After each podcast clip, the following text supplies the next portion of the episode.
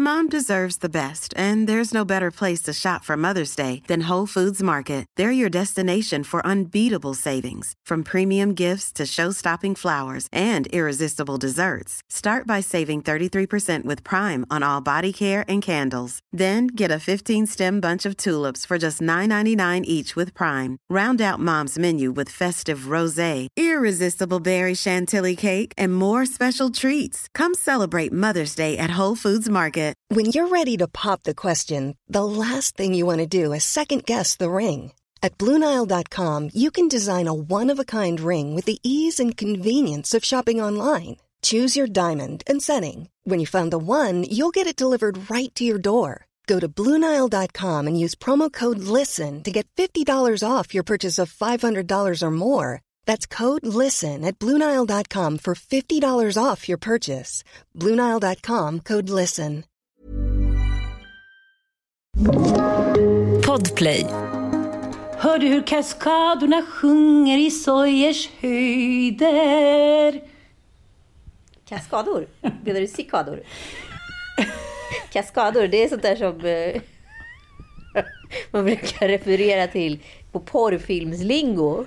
Nej, men det, kaskader är, det är väl också spyor? Det kan väl också, efter den här... Kaskader, det är någonting som kommer i mycket. Som det kan komma från olika kroppsuttömningar. Det gör det alltid här hemma. Men kaskaderna i Spanien, de kräks på.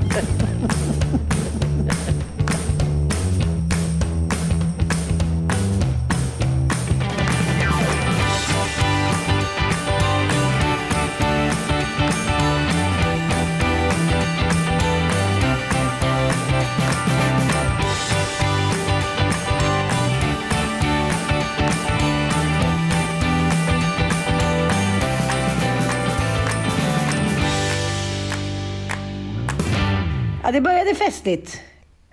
Här i Spanien. minsann. Ja. Jag blir också så tagen på sängen av att så här, du har ju liksom, alltså du får ju se ditt, mig se dig utifrån. För det är liksom, går ju 180 just nu allt. Jag vet, men jag fick ju också, om jag ska vara helt ärlig, några glada små panikångestattacker de sista dagarna. Ja, det där. förstår jag. Det förstår jag. Jag fick, vi var på, hade haft då eh, student, eh, jag men, Ossians utspring. Och eh, bara så här, fixa en liten eh, 70-talsbubbla, eh, ballonger, blommor, luncher, presenter. Alltså det var som på film. Det var som att jag var 200 festfixare samtidigt. Jag satt så här, körde bilen, blåste upp. Ilon, sätt tejp där på bilen där. Så, sätt, stoppa tillbaka. Du går tillbaka, du sätter upp den. Alltså jag var så här, bindan slängd i väggen. Jag var fan inte dålig alltså. Och sen var det lunch och sen var det ännu, så var det pappor och farmor och mostrar hit och dit. Och, och sen kände jag så här, på, nej då var vi på en tillställning på kvällen. Så kom jag dit, det är på Östermalm, det är jättefint. Det är partytält, det är DJs, det är uppträdande, det är färdiga små cupcakes. Det är liksom jävligt festligt. Det är så här, J. Lo skulle liksom kunna dyka in genom dörren. Och då började jag känna så här, trycket på bröstet. Jag bara så här, det ska till en spöregna imorgon, vi har två små parasoll. Det kommer komma 80 pers typ. Så här, jag var tvungen att åka hem. Du vet när man känner... Ja, men det var väl klokt för, med tanke på att du så här, alltså nu ska vi bara ba- backa bandet. Det har varit liksom kalajs, kalajs, kalajs och sen helt plötsligt är hela familjen i Spanien. Fast det inte ens var 100% säkert att ni skulle åka. Nej, du vet, men, men du vet, när man, det är ju lite så som jag säger till barnen. Att så här, gör många sporter, eh, gå med i många föreningar hit och dit. För att, Få mycket panikångestattacker. nej, men det är så här, under Det en, bli under en period så kan man ju köra på och liksom eh, klara väldigt mycket och det ena ger ju det andra. Då börjar man säga, okej, nu när jag ändå höll på så gjorde jag den där liksom, eh, skattegrejen, bla bla bla, för att så här, man är inne i ett rus. Men sen så, är, så säger kroppen stopp till slut. Ja. Och så var det även när jag skulle hålla mitt tal till Ossian då på, på lördagen dagen efter. När det så här, ja men du hade ju själv fest. Ja, ja. man förbereder allting. Upp med tält, all mat, ballonger som ska hämtas, eh, alkoholen ska ta is. Mm, mm, mm. Men då, då ringde jag faktiskt dit några som kom och hjälpte till som jag betalade. Så det var ju bra. Så de hjälpte till och sätta upp alla bord och stolar. Men eh, du vet ju, man är ändå ansvarig. Så precis när Taco Track kommer då öppnar sig himlen. Och då menar jag inte så här, hejsan svejsan, här kommer en liten stril och ett litet sommarregn. Utan då kommer det värsta regnovädret på flera år. Elon sitter på någon tvärbana som har fastnat. Typ allting, det, det, mina, min bästa kompis från ungdomens dagar får åka hem för hela Enskedes källare har liksom, eh, står i översvämning. Nej, det var ju sjukt. Nej, jag bara så här, jag känner så här, jag pallar inte. Jag bara satt där inne i huset som en så här mor salig, typ. Som in, nej, men så här, rulla ut mig då. Nu pallar jag inte.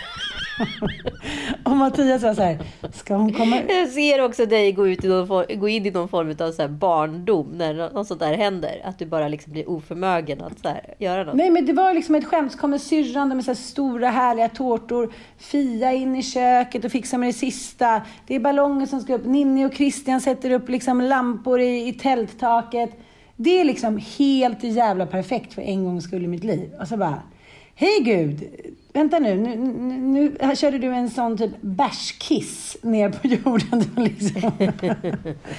och då kände jag så här, när väl solen kom tillbaka lite, så tänkte jag, nu måste jag hålla mitt tal. Annars, efter ett tag är moment, momentum över. Då har ju folk druckit lite och liksom alla börjar sätta på musik. Då är det ju inte liksom time. Du vet ju själv när man är på fest och sen Ja, ja, ja. hålls talet två timmar för sent. Jag har ju själv gjort det, så jag ska inte säga. Så var så okej. Och, då, och då kände jag bara så här. Då kunde jag liksom inte andas. Nej. Då kände jag så här, nej men jag klarar inte det här. Det, det går inte. Nu, eh, nu får jag bara sätta mig på ett flyg till Spanien. Så fick jag lite hjälp av källarmamman att andas och jag känner att jag fortfarande, jag pratar liksom inte via magen längre. Jag pratar här uppe och sen så tar jag, Jag så här, det. krålandning så här. Och så får jag prata vidare. Så att det här att vi ändå åkte iväg är ändå det bästa jag kunde ha gjort.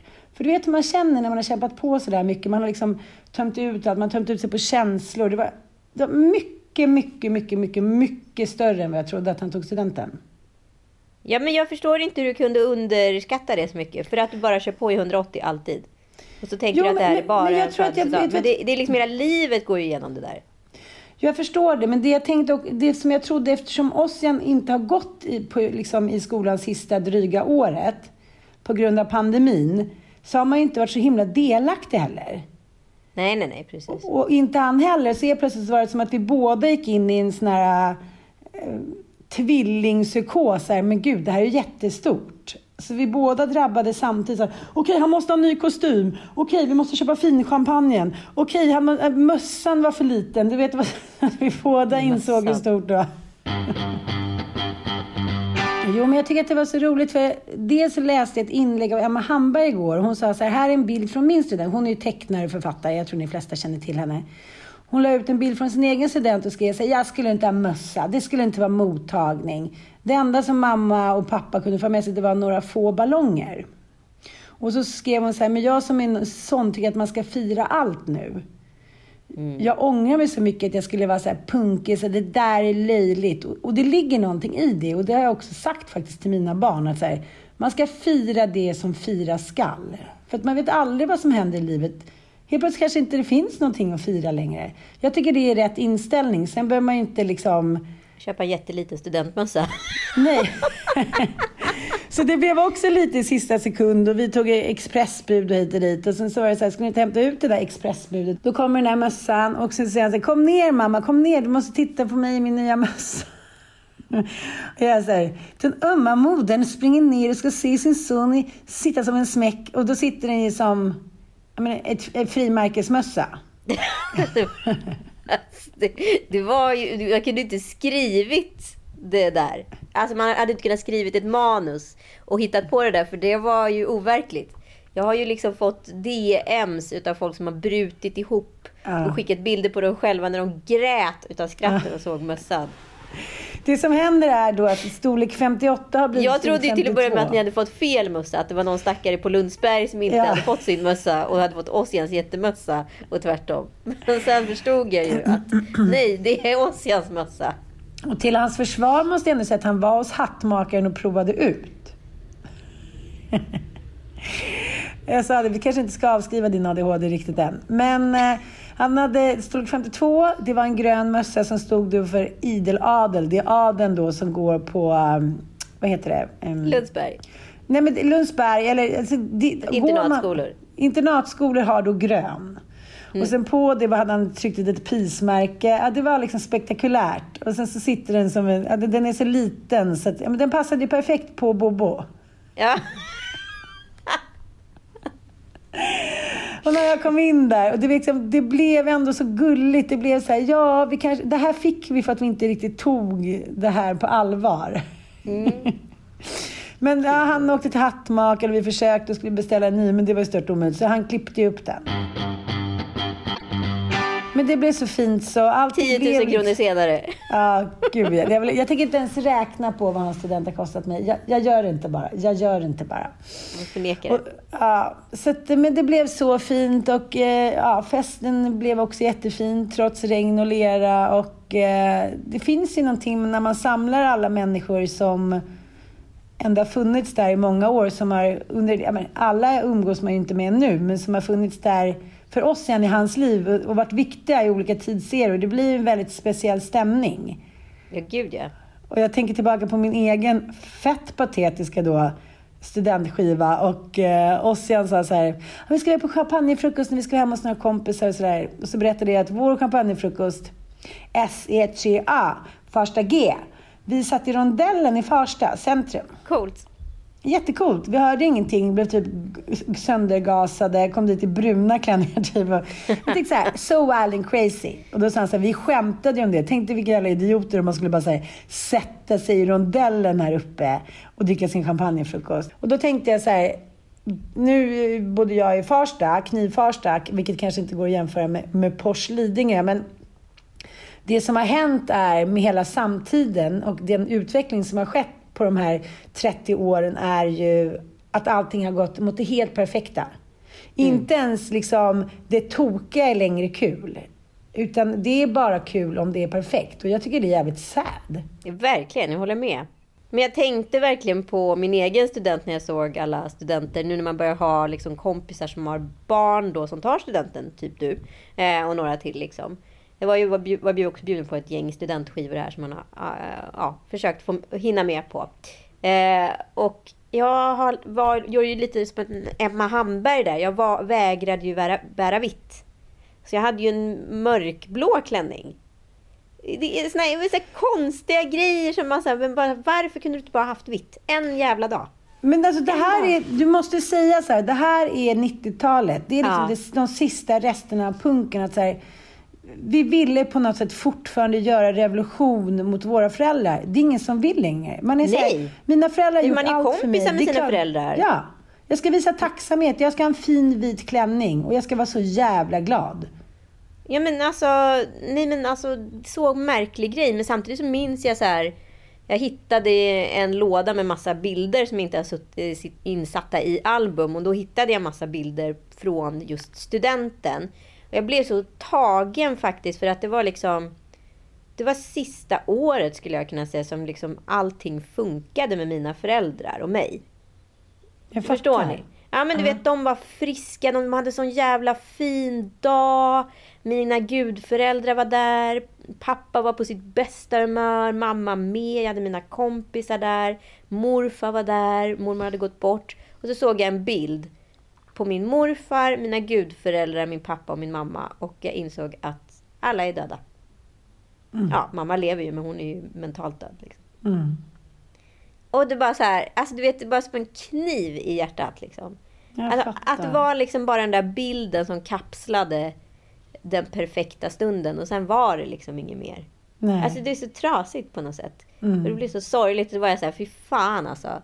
Penny ska bära vitt och vi ska ha liksom de vännerna hon vill ha där. Alltså det ska vara en sån jävla dag. Alltså, så jag är ju så här, jag är rädd för att jag kommer... Jag, vill ju inte göra sånt här i och med att här, mina barn är inte skyldiga till mitt liv liksom, på något sätt. Alltså, men samtidigt så blir det lite att man så här, genomlever sitt eget genom dem på något sätt. Ja, men jag, vi, jag ställer mig alltid frågan, vill jag det här eller vill de det här? Men jag, jag, tror att det där är svårt att separera. Jag tänkte på det när jag också läste Alex Schulmans krönika i DN. Ja. Att han skrev så här, att han tänkte under en tid av livet att det var skönt. Nu kan jag släppa det som har varit i min släkt. Det trasiga och det som har förstört och släktfejder och kärleksbråk och brustna hjärtan och så här. Nu broderar jag ut lite, men så tolkade jag det. Och sen kan vi bara gå vidare i mitt nya liv med, liksom, med mina barn och min fru och så här, göra det ljusare och bättre. Och sen så blev det så tydligt för honom att nej, men vi sitter ju fast i vår minneskedja. Liksom. Vi sitter ju fast med allt som har hänt sedan liksom, hundratals år tillbaka. Jag tänker, nu har ju han väldigt bra koll på sin liksom, släktkedja, men många har ju inte det. Och då kan det bli jävligt märkligt om man till exempel kommer till en studentfest och eh, känner alla de här konstiga känslorna och ser de här blickarna och folk som inte pratar med varandra. När släktfejten är liksom ja, men det är inte... fyra hörn liksom. Ja, som festen. inte ens är identifierad liksom. Och eh, nu är det som du sa, att du och jag har ju inga föräldrar kvar i livet. Så då blir det heller inte samma känsla av att liksom, ja, men, någonting kan ha gått snett eller att man är orolig att den ska dricka. Eller att, ja, de känslorna kommer ju inte upp på samma sätt. Men, men eh, någonting som jag noterade jävligt tydligt var Även på 90-talet när det var många som var jag tänker inte ha vit klänning, jag vägrar studenter, jag tänker inte hålla på med de där liksom, vad ska man säga, traditionerna påhittade av den finare klassen.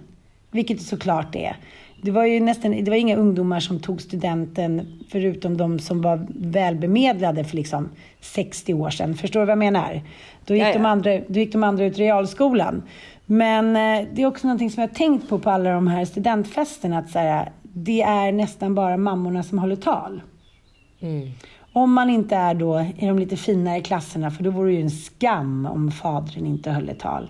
Men annars så har det varit, och jag har frågat lite andra kompisar som också har varit på studentskivor, och det är mammorna som fixar i vanlig ordning och det är mammorna som håller talen.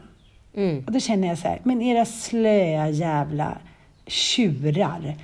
Men så pratade jag lite med Sanna om det där och det är så här, det är för jobbigt. Det är för jobbigt med människor som inte är utvecklade eller men, som inte är uppfostrade med att man pratar om känslor. Där känslor inte får finnas på samma sätt. Ja, men det var väl ingen som höll tal för... Ja, mamma sa väl några väl valda ord, men där satt ju farmor som liksom... Hon ville ju åka hem där mitt på dagen och moster stod där och liksom... i- För någon liten mössa. Och Lillåsa spydde och var jättefull och jag spydde väl också. Och Perre var där och, och sen var vi där några timmar, sen drog vi ju. Men jag har liksom in, inget minne av att jag tänkte att det var något viktigt att, liksom, att mina föräldrar var där. Det var liksom en, Nej, det var för en vi fest. hade inte förstått traditionen. Nej, det var så här, jaha. eh, De har väl fixat det där. Jag kommer inte ihåg att jag, jag tror inte jag visade någon särskild tacksamhet eller tackar. Det var så här, ja, det, nu har de ordnat en studentfest. Det var, jag kommer ihåg, vad käkade vi för någonting? Ja, Det var någon, jag får mig att det var smörgåstårta, det var några glada vinare. Sen har jag inte för mig att det var så mycket mer. Jag har inte för mig att det var någon mat eller grill eller liksom... Jo, men det hade vi. Men det var en liten tillställning på kanske 15 personer max. Och så var det inte så mycket mer med det. Men ja, ja. när jag gör en liten conclusion av det här så tänker jag lite så här. Vi, vi vuxna har skapat ett, ett liv för våra barn där allting är liksom stort och festligt och ganska ansvarskrävande även av dem. De, de, de har tusen val att göra. Det så här, skolan ska de göra val i. Liksom för oss var det så här, okej, det var en studentskiva. Man började på det, det gymnasiet som var närmast. And, jaha, min bästis spelar fotboll, då spelar jag också fotboll. Man åkte på charter på sommaren. Det var ändå ganska easy living och ändå så har det ju varit svårt att bli vuxen tycker jag. Men det de ställs inför, jag bara känner så här, jaha. Jag skapar liksom, visar honom ett liv när han är 19 år som är så här, okej. Och så studentskiva så här 80 personer och det är liksom, hoho, alla är med. Som att han vore någon jävla... Om jag hade fått den där finingen när jag var 18-19, då hade jag känt så här, men gud vad fan ställs det för krav på mig nu? Men du menar att, så här, att det här är någonting som, som ungdomarna får lära sig? Nej, men jag tror liksom att varje tid har sin... Liksom, jag, jag, jag, har svårt, jag har svårt att säga... i och med att man hela tiden, så fort vi ska vara analytiska, så måste vi se på vårt eget och förkasta det som är framåt på något sätt. För det är ju så människan är funtad. När det var liksom men, när, när, på tv-tiden så var man rädd för videovåld och så vidare och så vidare och så vidare. Liksom. Hade vi vetat om att vi skulle, skulle köra så här shoot and kill-spel i VR, liksom, vad fan hade vi trott om framtiden då? Men behöver det bli så jävla dåligt? All forskning berättar bara hur dåligt allting är. Men jag tror att det, så här, det finns mycket i det här som faktiskt stärker ungdomar och gör dem liksom kapabla på ett helt annat sätt än vad vi var. De är mycket mer ansvarsfulla för både sin sin, sig själva och sin tid som de lever i. Det är ju liksom, det är ju vi som är problemet, för vi var så oansvariga. Jo, men om jag ställer den här retoriska frågan, vad ska de göra sen då? Ossian är ju liksom mer komplett och ansvarsfull vid 18 års ålder än vad jag typ var vid 35. Vad ska han göra nu då? Vad, vad ska vara hans utmaningar när han redan har kommit så långt? Det är den jag inte fattar. Han sa så här, jag är så ledsen att jag, att jag inte har hunnit hjälpa till så mycket mamma. Så sa, men vadå? När man tar studenten, det finns väl någon gång där du inte ska ta ansvar och bara komma till så här uppdukat bord. Mm. Jag tror att det skapar någon ångest ändå. Det kan, måste, man måste försöka hitta orsaker till varför ungdomar mår så dåligt. Jag tänkte inte på, om min mamma inte hade varit sjuk när jag var runt 20 där, då hade jag mått så jävla bra. Jag var så här, framtiden låg för mig. Jag kände inga krav på att jag skulle leva upp till någonting. Att jag skulle vara ansvarsfull, att jag skulle liksom skaffa något jobb eller... Jag vill avrunda det här med att jag tror ändå att allt detta som skapas kring dagens ungdomar sätter stor press på dem. Det måste finnas någon jävla anledning till att många mår så dåligt. Jag tror att det här är en. Som jag är medskyldig till. Ja, jag tror det beror också väldigt mycket på vad, vad, man har för barn också. Det är väldigt olika. Vissa barn är mer mottagliga och vissa barn är mindre mottagliga. Liksom. Det vet ju jag är med fester så att det, det, det är ingenting som... Det är inget jag sticker under stol med. Jag ska bara, bara liksom dra lite i och med eh, att jag också hade kalas i helgen. Som jag du hade, ju... på samma dag som jag hade min fest för övrigt. Precis, för din fest fick jag ju första inbjudan till var en save the date. Så fick jag tiden utav dig via podden 13.00. Toppen tänkte jag, det blir bra. Då kan jag köra min fest på kvällen där. Då hinner man båda. Men sen ändrades den tiden till fyra. Det har ju hänt förr. Men vadå, du menar att du tycker att det är så här, ja men det är en av mina bästa kompisars största dag, men jag kör samma fest. Varför kan du inte bara erkänna att du missade att det var den dagen? Det spelar väl ingen Nej, jag missade inte. Jag hade det inlagt i telefonen sedan flera månader tillbaka. Men så mycket engagemang som det var det här. Tyckte du verkligen att du, ja i och för sig det är du. Jag tyckte så här, för fan om någon hade sagt till mig så här, nu ska du gå på en annan fest mitt under det här, så här tältpinnarna, tårtorna. Alltså skulle inte du haft panik om du hade kommit förbi? Nej, absolut inte. Vi hade, jag låg ju till och med och sov en timme på eftermiddagen. Och sen kom regnet. Sen kom regnet. Nej då, vi gick upp på morgonen tidigt, preppade, vi fick låna ett partytält av en granne. Eh, vi, så, eh, kom, en kompis kom över och hjälpte oss att resa det sista. Vi kollade på liksom the setting. Jag hade ju en idé där då att eh, man ska alltid ha liksom ett tema att utgå ifrån. Så här, nu hade jag bestämt att det skulle vara gårdsfest. Och så tänker jag så här, vad är en perfekt gårdsfest? Jo, men först tänkte jag att det skulle vara så här lite Peg Peggy Sue barbecue.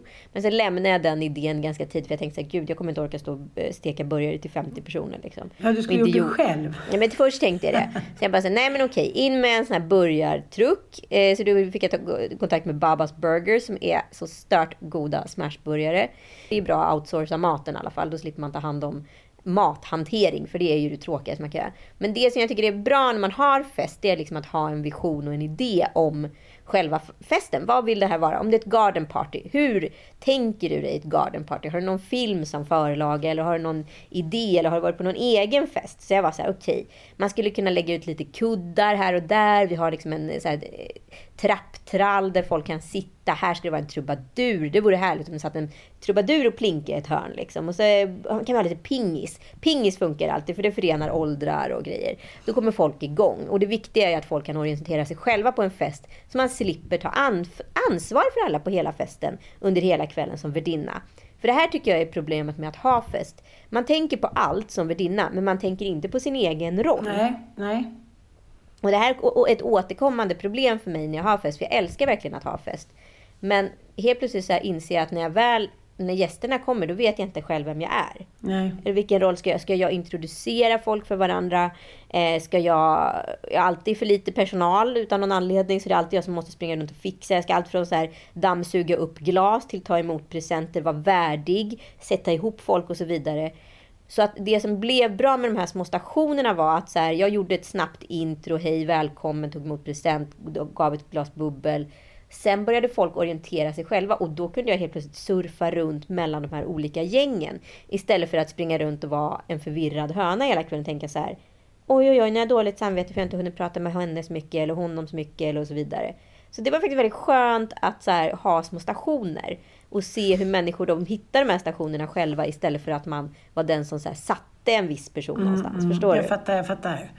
Men så då, då hade du food truck och sen så eh, hade du en liten trubadur. Men hade du någon film för blicken liksom? Ja, men det hade jag. Jag hade en så här, ja, men det finns, det finns ett Garden State, så jag tror det var ett jävligt härligt så här, garden party i, för tusen år sedan. Och så hängde vi, hängde vi upp lite kulörta lyktor i träden. Alltså det skulle vara väldigt så här amerikansk boho. Sen kom ju då, och festen är utlyst till 18.00, men sen kom liksom Judasregnet 18 till 20. Så folk tryck, började trilla in efter sju. Men det gjorde å andra sidan ingenting. För när de väl kom, då kom de med det bästa humöret och alla hade fastnat i taxiköer och trafikstockning och ja, Ah. för, översvämningar hitan och ditan.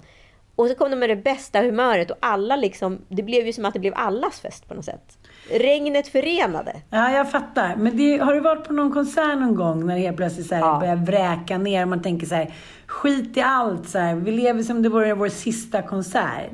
Det händer ju någonting men det händer ju någonting med människans sinne när allting inte är tillrättalagt. Men, men jag kände ändå så här, när man har en, liksom, en fest i trädgården och det har varit så fint väder i tre veckor och så vaknar man upp dagen efter så är det knallsol, då kände jag, nej, det kändes fan lite bittert ändå alltså. Jaha, nej, jag kände faktiskt ingen bitterhet. Jag bara så här, jag hade lite panik där mellan sex och sju. Det ska lätt erkännas. Men sen bara så här, jag vet inte, jag bara sket i det. Tänkte, whatever liksom. Nu kör Ja, vi. jag fattar, jag fattar. Vi gasar. Men Jag måste ändå säga att det var väldigt lyckat, men det är ett allmänt tips till. Jag får oftast ganska mycket DM och frågor om just fest. För jag gillar ju att ha det och jag tycker det är kul. Det är att verkligen ha en idé, en vision om vad, vad känslan ska vara. Liksom. Mycket mer än så här, vad man ska uträtta.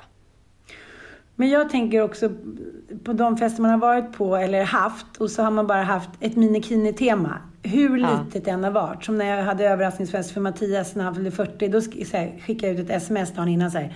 Vi kör väl lite mexikanskt tema då? Och då när bara någon kommer så här, gående ner för liksom kullerstenarna i en sån här hatt och typ den största mustaschen man någonsin har sett. Och de som också har tagit det på allvar och gjort en liten sån här rabatt, vad heter det, tangorabattmustasch. Det, det är någonting som händer då. Sen är det bara att ställa fram lite tequila och några liksom mexikanska bärs. Så har du ett lilla tema. Ja men så är det liksom, har en inramning. Så fort man har en ram, då funkar det mesta i den ramen. Liksom. Och sen livemusik, förlåt. Men, men det, det spelar ju ingen roll vad det än är. Spelar en liten gitarr eller är det någon som kommer in och har ett band. det- Då händer ju någonting med människan. Musik Ja. förenar ju också. Men det som också är så skönt med att ha liksom en low key eh, trubadur som bara sitter med liksom en akusti- akustisk gitarr och inte har ett PA. Det betyder ju inte att alla måste stanna upp och lyssna hela tiden på vad han Nej. framför. Utan då blir det liksom som att det är en skön dude med en gitarr på festen. Och alla kan ändå vara i festen. Så ibland så får han lite attention och alla bryter ut i någon låt gemensamt eller vad det nu är. Liksom.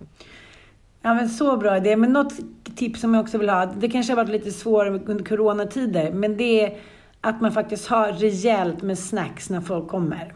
Ja. För några har ju också tagit så här, man kanske tagit lite en försläckare, förtändare. Eh, man kommer, man kanske inte har hunnit äta för man skulle köpa en present. Och finns det då liksom ingenting. Nej. Dels blir det så att människor blir som minikini-rovdjur. Okej, finns det någonting man kan ta? Kan man äta någonting hit och dit?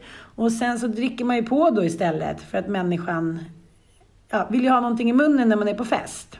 Så det är bra. Men ett annat tips tycker jag också så här, perukfest, väldigt enkelt. Sätt på en peruk. Människor vågar vara sig själva.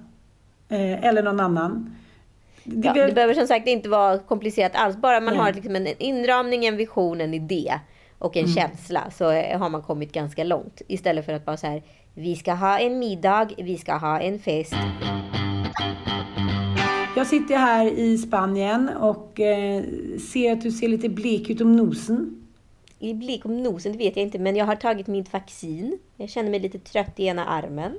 Mm. Kanske har med det att göra.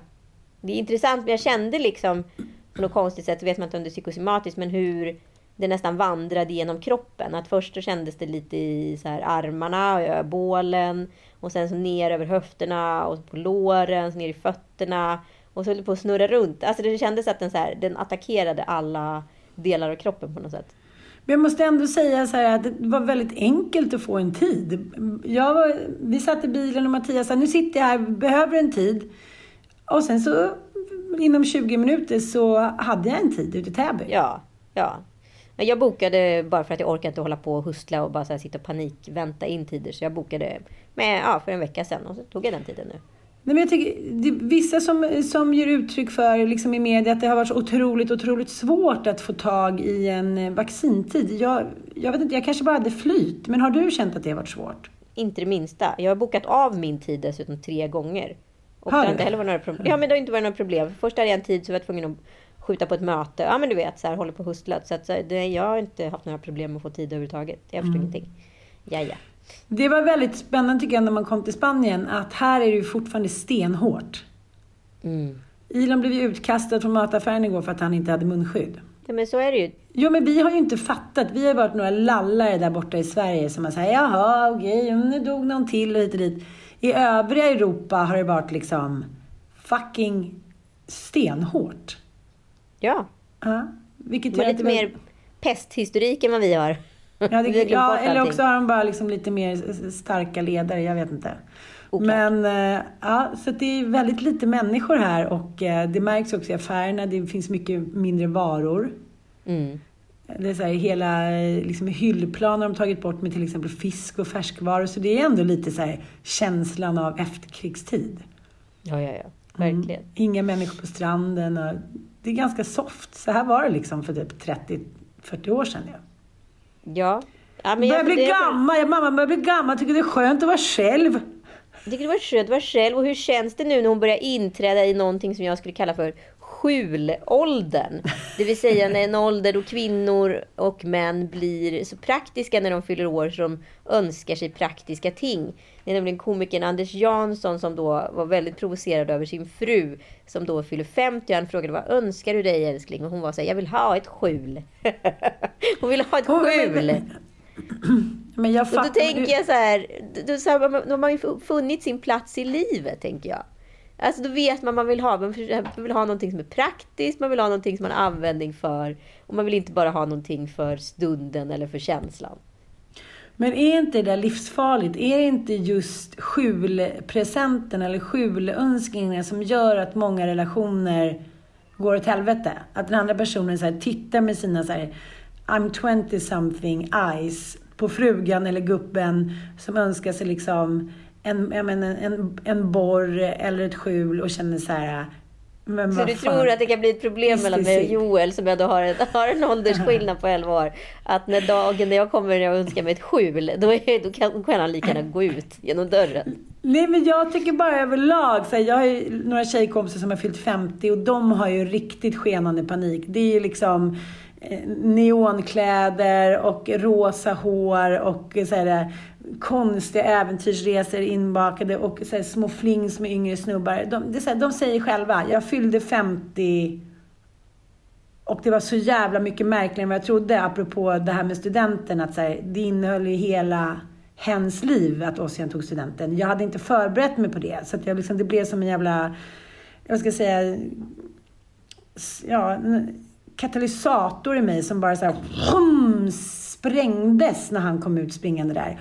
Och jag tror att det kan vara samma känsla som jag kan se på några av mina tjejkompisar, att de är så här, nej, nej, nej, vänta nu för helvete, Gud, eller vem det nu handlar om som, som har satt mig på denna jord. Is this it? Medan man ser snubben så här påta med sitt skjul, eller med sin borr, eller med sin flint, som ser skitnöjd ut. Och tycker så här, I, I settle down. Jag fick de här ungarna, snygg fru fortfarande, det här fina huset. Så här, nu ska jag, liksom, nu, nu är min tur att så här, vänta på döden och vara nöjd med det. Ja, det är ju bara 50 år kvar. Så att man har ju 50 år på sig. Alltså, du liksom... Ja, är det farligt att settle down eller inte? Jag kan ju någonstans tänka så här, gud vad skönt att önska sig ett skjul, vad enkelt allting blir. Ett skjul, det är ju praktiskt. Det kan man ha massa grejer i. Man kan ha, göra det som en liten friggebo, man kan göra det som en liten studio. Man kan ha en bar där inne, en absintbar. Jag menar, så... ja, men skjulet kan ju, det, kan, det är ett konstprojekt. Det kan ju ta många former. Det kan vara allt från en bar till liksom en byggverkstad. Liksom. Men alltså, nu är du så konstig. Nu tror du på allvar att du känner längtan efter att settle down. Nej, men jag bara kände så här fan vad fint att vara i en ålder när man är nöjd. För att mitt liv är ju ett kroniskt missnöje. Ja, jag...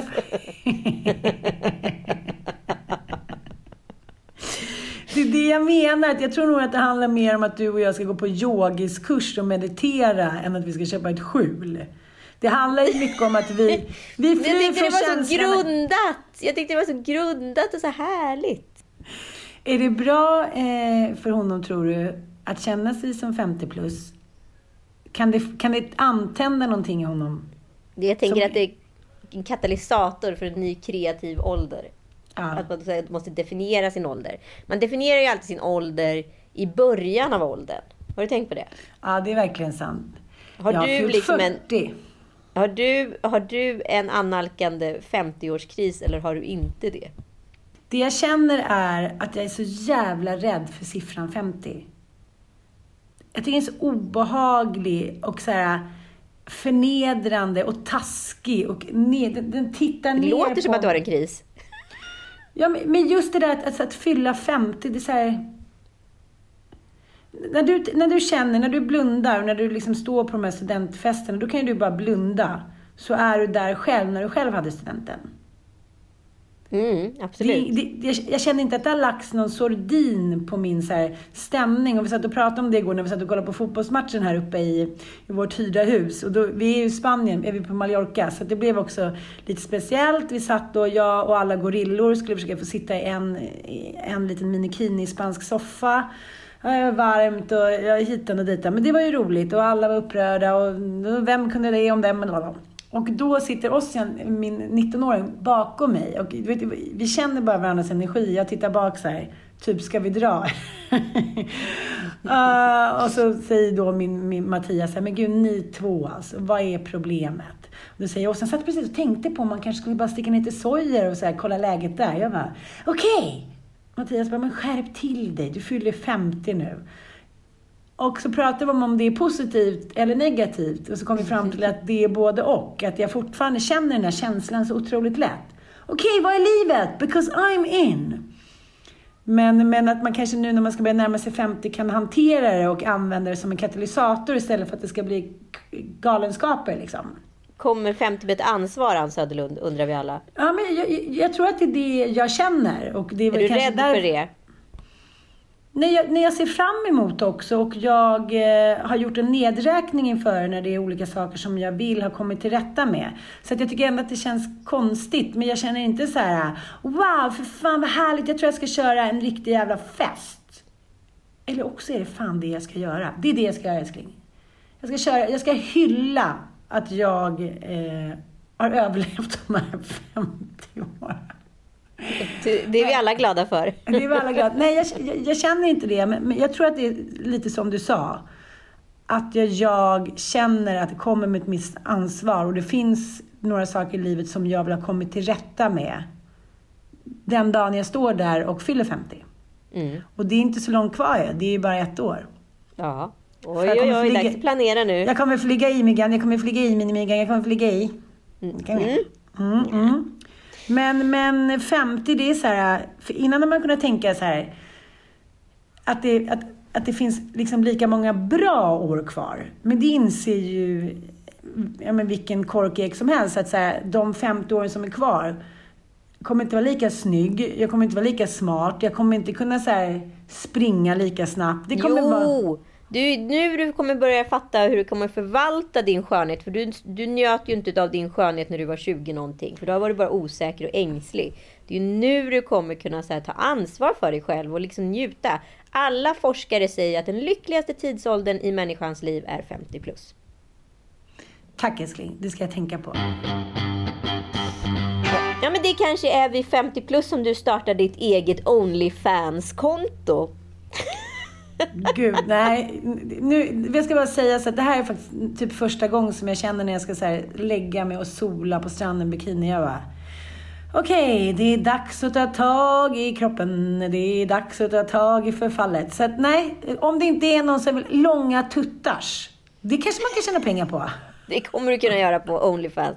Övertygad. Just nu har ju Erik Galli och Lisa Östberg och några till kommit ut med en dokumentär på SVT som heter eh, Pornfluencers. Det handlar alltså om olika kvinnor som då under det slutna, vad ska jag kalla det för, Instagram mot prenumeration. Alltså det är som en Alltså det är som en prenumerationstjänst motsvarande Spotify eller Netflix etc. Men du kan prenumerera då på Onlyfans så ska du prenumerera på vissa, eh, vissa personer som har ett konto där.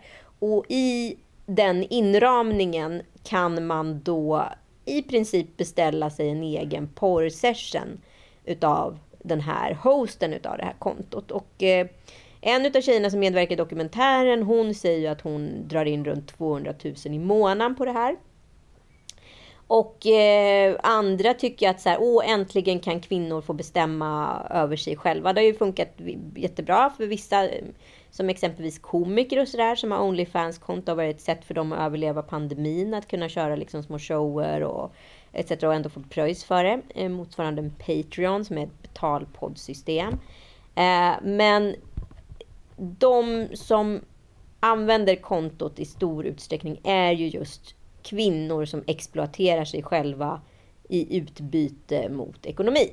Och här är ju då den stora liksom, pudens kärna. Är det här prostitution eller inte? Men jag måste säga så här, det som är det geniala, om, om man får säga så då, med eh, den här typen av konton är ju att man kan skapa samma triggersystem som för missbrukare. Alltså, samma liksom, trigger som sätter igång för spel eller sexmissbrukare går ju att använda här just för att man då får betala för Hej, vill du se min stora rumpa? Och så visar man en bild på rumpan. Vill du se den naken? Ja. Men eh, då får du, jag vet inte hur det funkar, men då betalar man in en viss summa. Så om någon vill att man ska säga någonting liknande, så att så här, man kan ju trigga det här man kan ju få en människa i sitt garn om man säger så och trigga den och inom situationstecken då lura av den jävligt mycket pengar. Men vem blir nyttjad här då? Så länge det finns en konsumtionsmarknad utav eh, ett tjänstesamhälle där män kan köpa kvinnors kroppar. Är inte det liksom pudens kärna när det kommer till all typ av eh, ojämställdhet? Eller är det att kvinnor helt plötsligt kallas då för entreprenörer för att de håller i mobilen själv? Jag tycker att det här är en sån jävla snårig djungel och jag har tänkt på det där en del senaste tiden, vad jag själv känner. Det som, som jag tycker, som du säger, är bra, att du är i skyddad verkstad. Du går inte in i någon okänd bil. Någon kan inte liksom tvinga dig att göra, ut, utsätta dig för liksom misshandel, tvinga dig till sexuella tjänster som du fysiskt inte vill göra. Eh, sen är det ju en form av tvång här också eftersom det någon köper dina tjänster. Jag tycker såklart att det är eh, om det nu måste finnas, om man ska säga så, så är det här ett sätt för kvinnan att kontrollera. Men det som jag håller med Kajsa Ekis Ekman, journalisten om och samhällsdebattören, är att det blir någon form av gullifieringsstämpel bara för att det typ är så här Instagram-känsla. Då kan du visa rumpan och sen kan någon så här, betala 10 kronor och så blir det lite som så här det är ju ändå prostitution. Liksom. Ja, det är mycket mer än rumpan som visas. Så om du kollar på dokumentären ja. så kan man ju se liksom och som en av tjejerna som medverkar i dokumentären säger också så, så här, har man visat rumpan en gång, då har man ju liksom, det är den här normaliseringsprocessen. Alltså, ja, men om man visat rumpan en gång, då är det inte så farligt att visa den igen. Och sen att visa upp då muttan bakifrån, då är inte det någon större grej, man har redan visat rumpan. Och så blir det längre och längre och längre. Och helt plötsligt så har du förlorat dig själv i det här systemet. Och liksom, det är ju ett par som är, som är med i det här. En, en skånsk tjej som är influencer som har Ja, och gör det här tillsammans med sin kille. Så då man har ju då sex online då framför olika personer som betalar för att titta på det här. Och där är ju killen med liksom, men hon är ju stjärnan. Alltså porrindustrin är ju skev för att där är ju kvinnor stjärnor. Det är de som tjänar pengar, det är de som liksom får mest betalt och killarna är liksom lakejerna runt omkring. Men samtidigt så är ju de som äger nätverken. Det är ju det här vi pratar om lite med liksom Eh, femårstrenden också. Att som, de som äger och driver på är fortfarande män bakom rodren. Så är det någonting som har förändrats även ifall kvinnorna per se har makten? Eller är vi lika prostituerade som vilken porrstjärna som helst? På pappret Eller... tycker jag att man är det, men det som jag tycker också är läskigt, jag tänker så här, du och jag som har erkänt att vi snattade lite i våra ungdomsdagar för att man känner så här, ja men jag får inte den där tröjan på hämta av mina föräldrar eller åh, vi ska på fest ikväll så här och sen så var det så jävla lätt och sen triggade igång och så bara skenade det där ett tag liksom. Och eh, jag kan tänka om, om jag hade varit så 16 år och så, och så sa en kompis till mig så här, ja men vet du, du kan tjäna så 50 papp i månaden på och visa dina som uppstudsiga tuttar för så här kåtäckliga gubbar på, i den här tjänsten. Så vad ska du med till Spanien? Vi ska på charter. Jag tror att det är för lätt. Det är ju för lätt. För Men det är man inte heller... Om man nu då pratar om så en avsugning i en bil som prostituerad eh, motsvarande att liksom suga av någon online. Idag finns ju allting som är online kvar. Det är ingenting som försvinner, utan det finns ju kvar. Nu ska, jag inte, nu ska jag inte säga att en avsugning i en bil är bättre eller sämre, jag behöver inte jämföra, men att där kan du ändå liksom mörka ditt brott. Men här kommer det alltid vara liksom någon som vet om att din morsa sög av honom. Förstår du? Ja, i och för sig. Om man får välja pest eller kolera så skulle jag ändå eh, göra det liksom i AI, än att sitta med så här en Men AI, om du de facto måste, om du måste suga av liksom ett XXXXX som dina barn kan titta på. Oavsett om det är under fräscha former. Jag vet inte, jag är så jävla moraliskt eh, liksom, splittrad i det här. Jag, jag, tycker alla har rätt och alla är fel i den här frågan. Förstår du lite vad jag menar? Jo, men det är ju en normaliseringsprocess. Kolla på liksom Instagram idag. Om du, jag kan ju tycka att så här, Kardashians har jättemycket skuld i den här frågan. Liksom. Det är ju en otrolig normaliseringsprocess hur nakna vi är idag. Kolla på Kim Kardashians konto. Hon exponerar liksom alla delar av sin kropp. Förutom, ja, förutom kanske sina bröstvårtor eller snippa liksom. Eller springan utav snippan. Men liksom och det är inget konstigt liksom. Och det ska kallas för feminism. Jag blir ju så jävla dubbel i det här. Jag kan inte så här, navigera. Så här. Det är klart att så här, vi ska ha rätten till våra kroppar och så. Men när du exponerar den på ett sätt som ändå män tidigare har exponerat dig, även fast du håller mobilen själv, är det inte exakt samma sak då? Men, men jag, jag, tycker det är helt intressant att du pratar om det här om normaliseringsprocessen som är typ eh, den mest påtagliga processen i alla, såna, i alla mänskliga och mellanmänskliga relationer. Jag tänkte på det nu när alla de här unga tjejerna som tog studenten, som hade, ursäkta uttrycket om jag låter som att jag snart ska fylla 50, muskorta kjolar. Alltså kjolarna går fan inte över stjärtamentskanten. Och så säger deras mammor så här, men gud ska du gå ut så där? Och så börjar de här tonåriga tjejerna så här, du slutshamear mig! Sluta slutshamea mig! Och det fick jag också höra. det fick jag också höra på de här eh, studentskivorna. Sen, så fort mammorna sa något så säger man dödar den feministiska diskussionen eller deras då frihetsrevolution genom att, att säga att du slutshamear oss. Men som en mänsklig varelse som har varit ute på byn och träffat män i många år så är det så här jag kan ju typ inte slita ögonen från de här unga tjejerna som liksom har, visar rumpan. Hur ska då, förlåt om jag säger det, men hur ska unga killar som är så, har så mycket galenskap, hormoner i kroppen och även tjejer. Hur ska man säga till dem efter tio bärs nej, ni ska inte bli upphetsade av det där. Nej, alltså, den är dubbel. Den är dubbel. Den nej, är dubbel. den är jävligt dubbel, men man kan ju inte bara helt, bara för att människan ska vara mer ska då ha lärt sig det mänskliga beteendet så försvinner ju inte driften. Vad fan, hela jungianska prospektet, alla jävla terapeuter genom århundraden säger så här.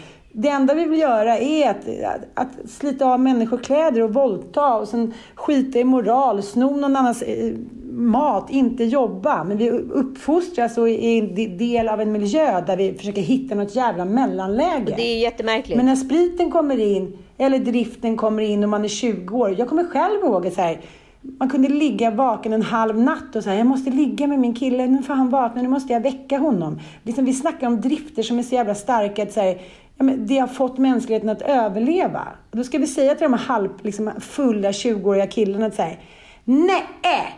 Ni ska inte kommentera tjej, ni ska inte bli upphetsade av det här. Eller gubbar som ser det här. För fan, ja, det är svårt. Det är svårt. Hela biologin har ju försvunnit. Hela biologin. Sluta slutshamea mig. Jo men, jaha. Nej men det är ingen slutshaming. Vi försöker bara ge dig tips på att inte bli våldtagen. För att människor och deras drifter står över en kjolkort kant. Jo, men älskling, om, om man nu uppfostras då med sina tjejkompisar och hela samhället som säger så här. Du ska få göra vad du vill, du ska se ut hur du vill, du får bete dig hur du vill, du kan ligga naken och ligga med den där killen, sen ska du säga stopp. Man säger ja det låter så jävla fint och bra på pappret, men det är ju en omöjlig ekvation. Ja, 100 procent. Du kan ju starta ett sånt konto älskling. Jättekul. Onlyfans. Ja! Party, partyfans. Vill du veta vad det ska bli? Betala 39 kronor. Älskling, du ska göra succé. Försörj mig, försörj mig. Det gör jag redan. Tack för att ni har lyssnat. Vi hörs om en vecka. Puss, puss. Puss, puss.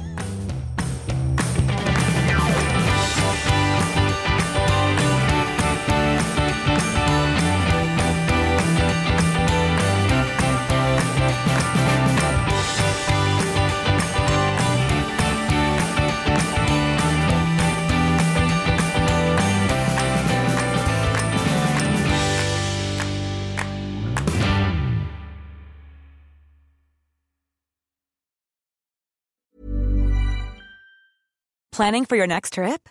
Elevate your travel style with Quince. Quince has all the jet setting essentials you'll want for your next getaway, like European linen, premium luggage options, buttery soft Italian leather bags, and so much more. And is all priced at 50 to 80% less than similar brands. Plus, Quince only works with factories that use safe and ethical manufacturing practices. Pack your bags with high-quality essentials you'll be wearing for vacations to come with Quince. Go to quince.com slash pack for free shipping and 365-day returns. Normally, being a little extra can be a bit much. But when it comes to healthcare, it pays to be extra. And United Healthcare makes it easy with Health Protector Guard fixed indemnity insurance plans. Underwritten by Golden Rule Insurance Company, they supplement your primary plan, helping you manage out of pocket costs without the usual requirements and restrictions like deductibles and enrollment periods. So when it comes to covering your medical bills, you can feel good about being a little extra. Visit uh1.com to find the Health Protector Guard plan for you.